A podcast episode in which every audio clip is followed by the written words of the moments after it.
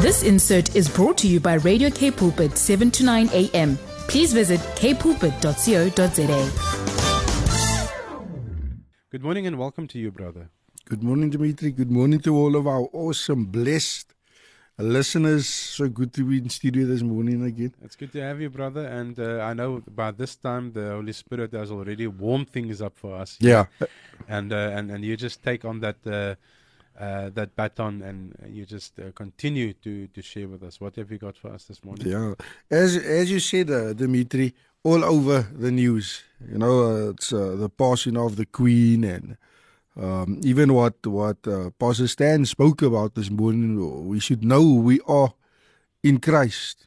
The Bible says um, that um, we need to declare, we need to decree, you know, things in the atmosphere. And the Bible also says, "He uh, that is within me, and he, against he that is in the world." Mm. So we need to know who we are in in Christ Jesus. And this morning, uh, as even as we were speaking, um, Dimitri, about you know uh, uh, Prince Charles that will be becoming the king, Yeah. or that is already the king, and um, just looking at the whole thing, I realized something: um, the significance of a mantle being passed, and even during during COVID, I don't know if you remember, Dimitri, there was so much ministers of the gospel that was passing away. But it was actually the mantles that was being released upon the earth. And a few months ago, even the Lord showed me how so much mantles are still lying dormant that has been picked up. And um, we really, really need to get back to that place where we need to know we are in Christ, even as Pastor Stan said. But I want to speak about the mantle uh, this morning, and the Hebrew word for the mantle is adareth. Uh, the, the, the definition is glory, cloak, splendor.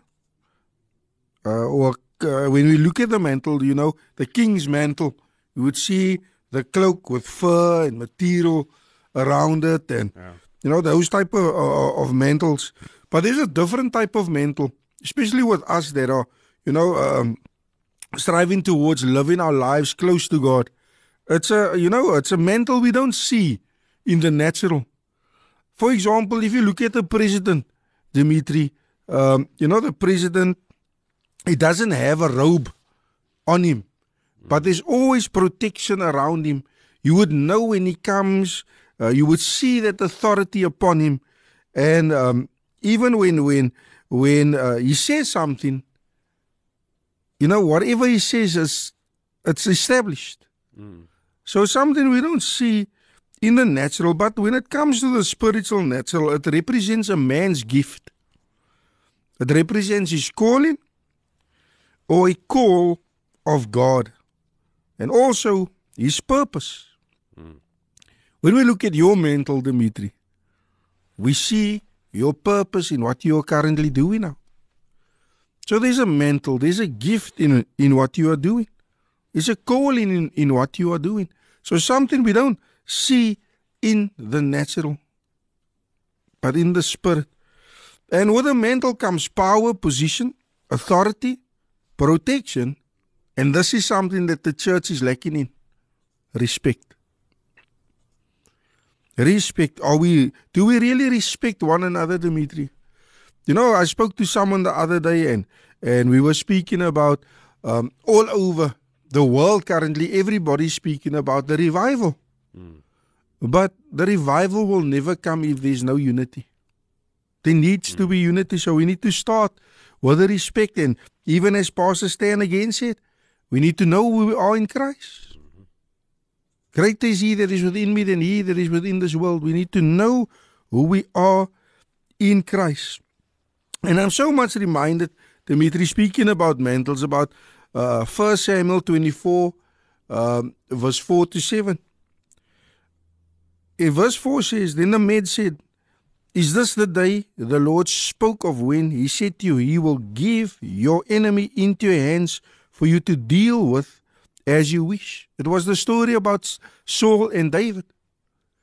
David had the opportunity to kill Saul, but hmm. because he understood the authority of the mantle, because he, un- he honored the principle of the mantle, he did not touch Saul. That's something that is really lacking in, to, in the church today. Even when we look at 2 Samuel 1 verse 14 to 16.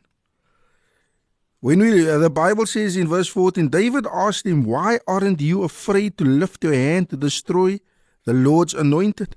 Then David called one of his men and said, Go strike him down. So he, he struck him down and he died.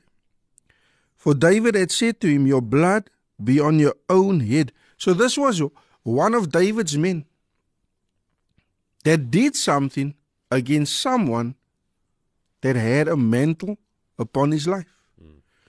But because David, and he was speaking about Saul, I'm speaking about Saul here, but because David had the opportunity to do something to Saul. So, and David honored the, the mantle, he honored the position Saul was in, but here someone else came along and killed Saul. And what did David do? Because he still honored the mantle that Saul carried.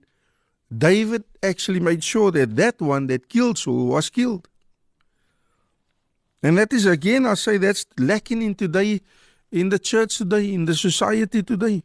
But I want to ask you, Dimitri, like when we look at when we look at people, especially in ministry, I'm going to speak to leaders this morning. You know, it's so easy for us to lose who we are in Christ. It's so easy for us to lose the respect, and I, we see all over social media. I saw now recently there's a kung fu pastor He's praying for people and he's doing the whole kung fu thing. So these type of, of people are making the rest of the body of Christ look like silly. I don't know. What's your thoughts on that, Dimitri? What's the question here? yeah.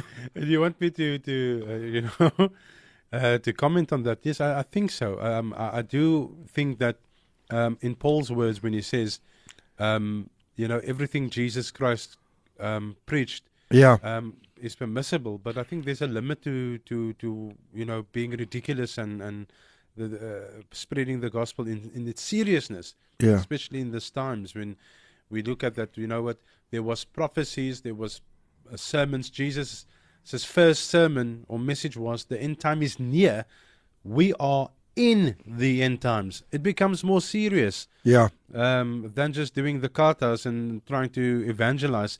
There's a room and space for everything, yes. Yeah. Um, Jesus Christ, yes, as long as Jesus is preached, but the ridiculousness is there's no room for that. I don't think Paul um, um, wanted that to be included into it. So that is my my my it, it's, word it's, to that. Yeah, no, but it's exactly it's exactly what you're saying. So mental is something that does not come cheap. Yeah. When we look at what happened to Elijah and Elisha, what did Elisha give up? He had to leave his family and had to go serve alongside Elijah. Yeah. Imagine that. Mm. So when when when Elijah asked Elisha, "What would you like from me?" Elisha said, "I would like a double portion." Mm a double portion of your of what is upon your life. Yeah. And he received that. But here's the thing, Dimitri, because of Elisha's sacrifice, because of the authority, because of who he knew who he was, there was witnesses that saw him receive that mantle. It was a group of prophets that was actually standing on the other side of the river that saw Elijah being taken up and saw the mantle fall and saw Elisha pick up the mantle. And immediately after that, he performed the, the, his first miracle. So it's not something that comes cheap, Dimitri. But today we see, we see, no, I'm not speaking about the Kung Fu pastors or the pastors, or not speaking about them, but I'm speaking about those that really have uh, uh mantles upon their lives. And in this time, Dimitri, we are seeing how the true men of God and women are starting to come forth. Mm. We are seeing it. How the true pillars are starting to come forth. Yeah. And it all started immediately during COVID. And that is why I want to encourage leaders today. You know, when when the older that you get, there needs to come a time where you need to hand the baton over. You can step down from leadership, but not from ministry. But I can speak all day about about, about the mantle, Dimitri. I, I really like what you what, what you've been sharing now, Kurt. Uh, it's it's really profound. Yeah. It's very profound in what you're saying, and I think it's so much uh, relevance to to what is over the overwhelming news today. Uh, in the world, and that's obviously uh, the royal family. The focus and attention is on that, and the protocols and that. Yeah. And you're bringing that so nicely into into the protocols of um, us as ministers. And you speak, you spoke to leaders today uh, with regards to the mantles, and so many mantles that have not been picked up, and the protocol is forgotten, Yeah. and people do not know the identity because they cannot step into that identity. And you say that there's so many people that are losing their identity in Christ so easily Yeah. and it's because we're making it so difficult, Kurt, to know who we are in Christ. Yeah. We think that we need to do a certain this or a certain that for Yeah. uh, for us to really uh, realize what what what our identity is in Christ. And it is just so simple. Is that we just need to spend time with Him. We don't need to spend time in twenty courses and becoming doctors and uh, uh, gaining titles as Yeah. uh, ordaining pastors or whatever the case may be. Yeah. I'm not saying it's it's not important to to to study the word and yes you get your your titles in that as a doctor or whatever but I think your identity has got nothing to do with that Yeah. uh, your identity has got nothing to do with uh, the amount of uh, studies that you do and yes uh, I know there are some people saying yes Dimitri but my people shall die uh, for, For the lack of knowledge, yeah. But the knowledge is in Christ do we know Christ? When we study His Word, do we understand that's a living Word? Yeah. You can still study the dead uh, type on, on in the Bible. You can study the dead type, like atheists do. They look at it and they look at history and they they critically look at these things, the, the theology of it. Yeah. And it doesn't mean that they know God. Do we know God? And that is our identity. Yeah, but but but it's exactly Dimitri because when you spend time in the Word, there needs to be revelation. It's like that light bulb moment. Mm. So a lot of times we we we we forget about that. We forget about it, and especially when we go into Bible school and when the, when when the theologians the way they study the Word and things like that, and they forget about revelation. Yeah. And that is why it's important for us to have the Spirit of God within us. Yeah.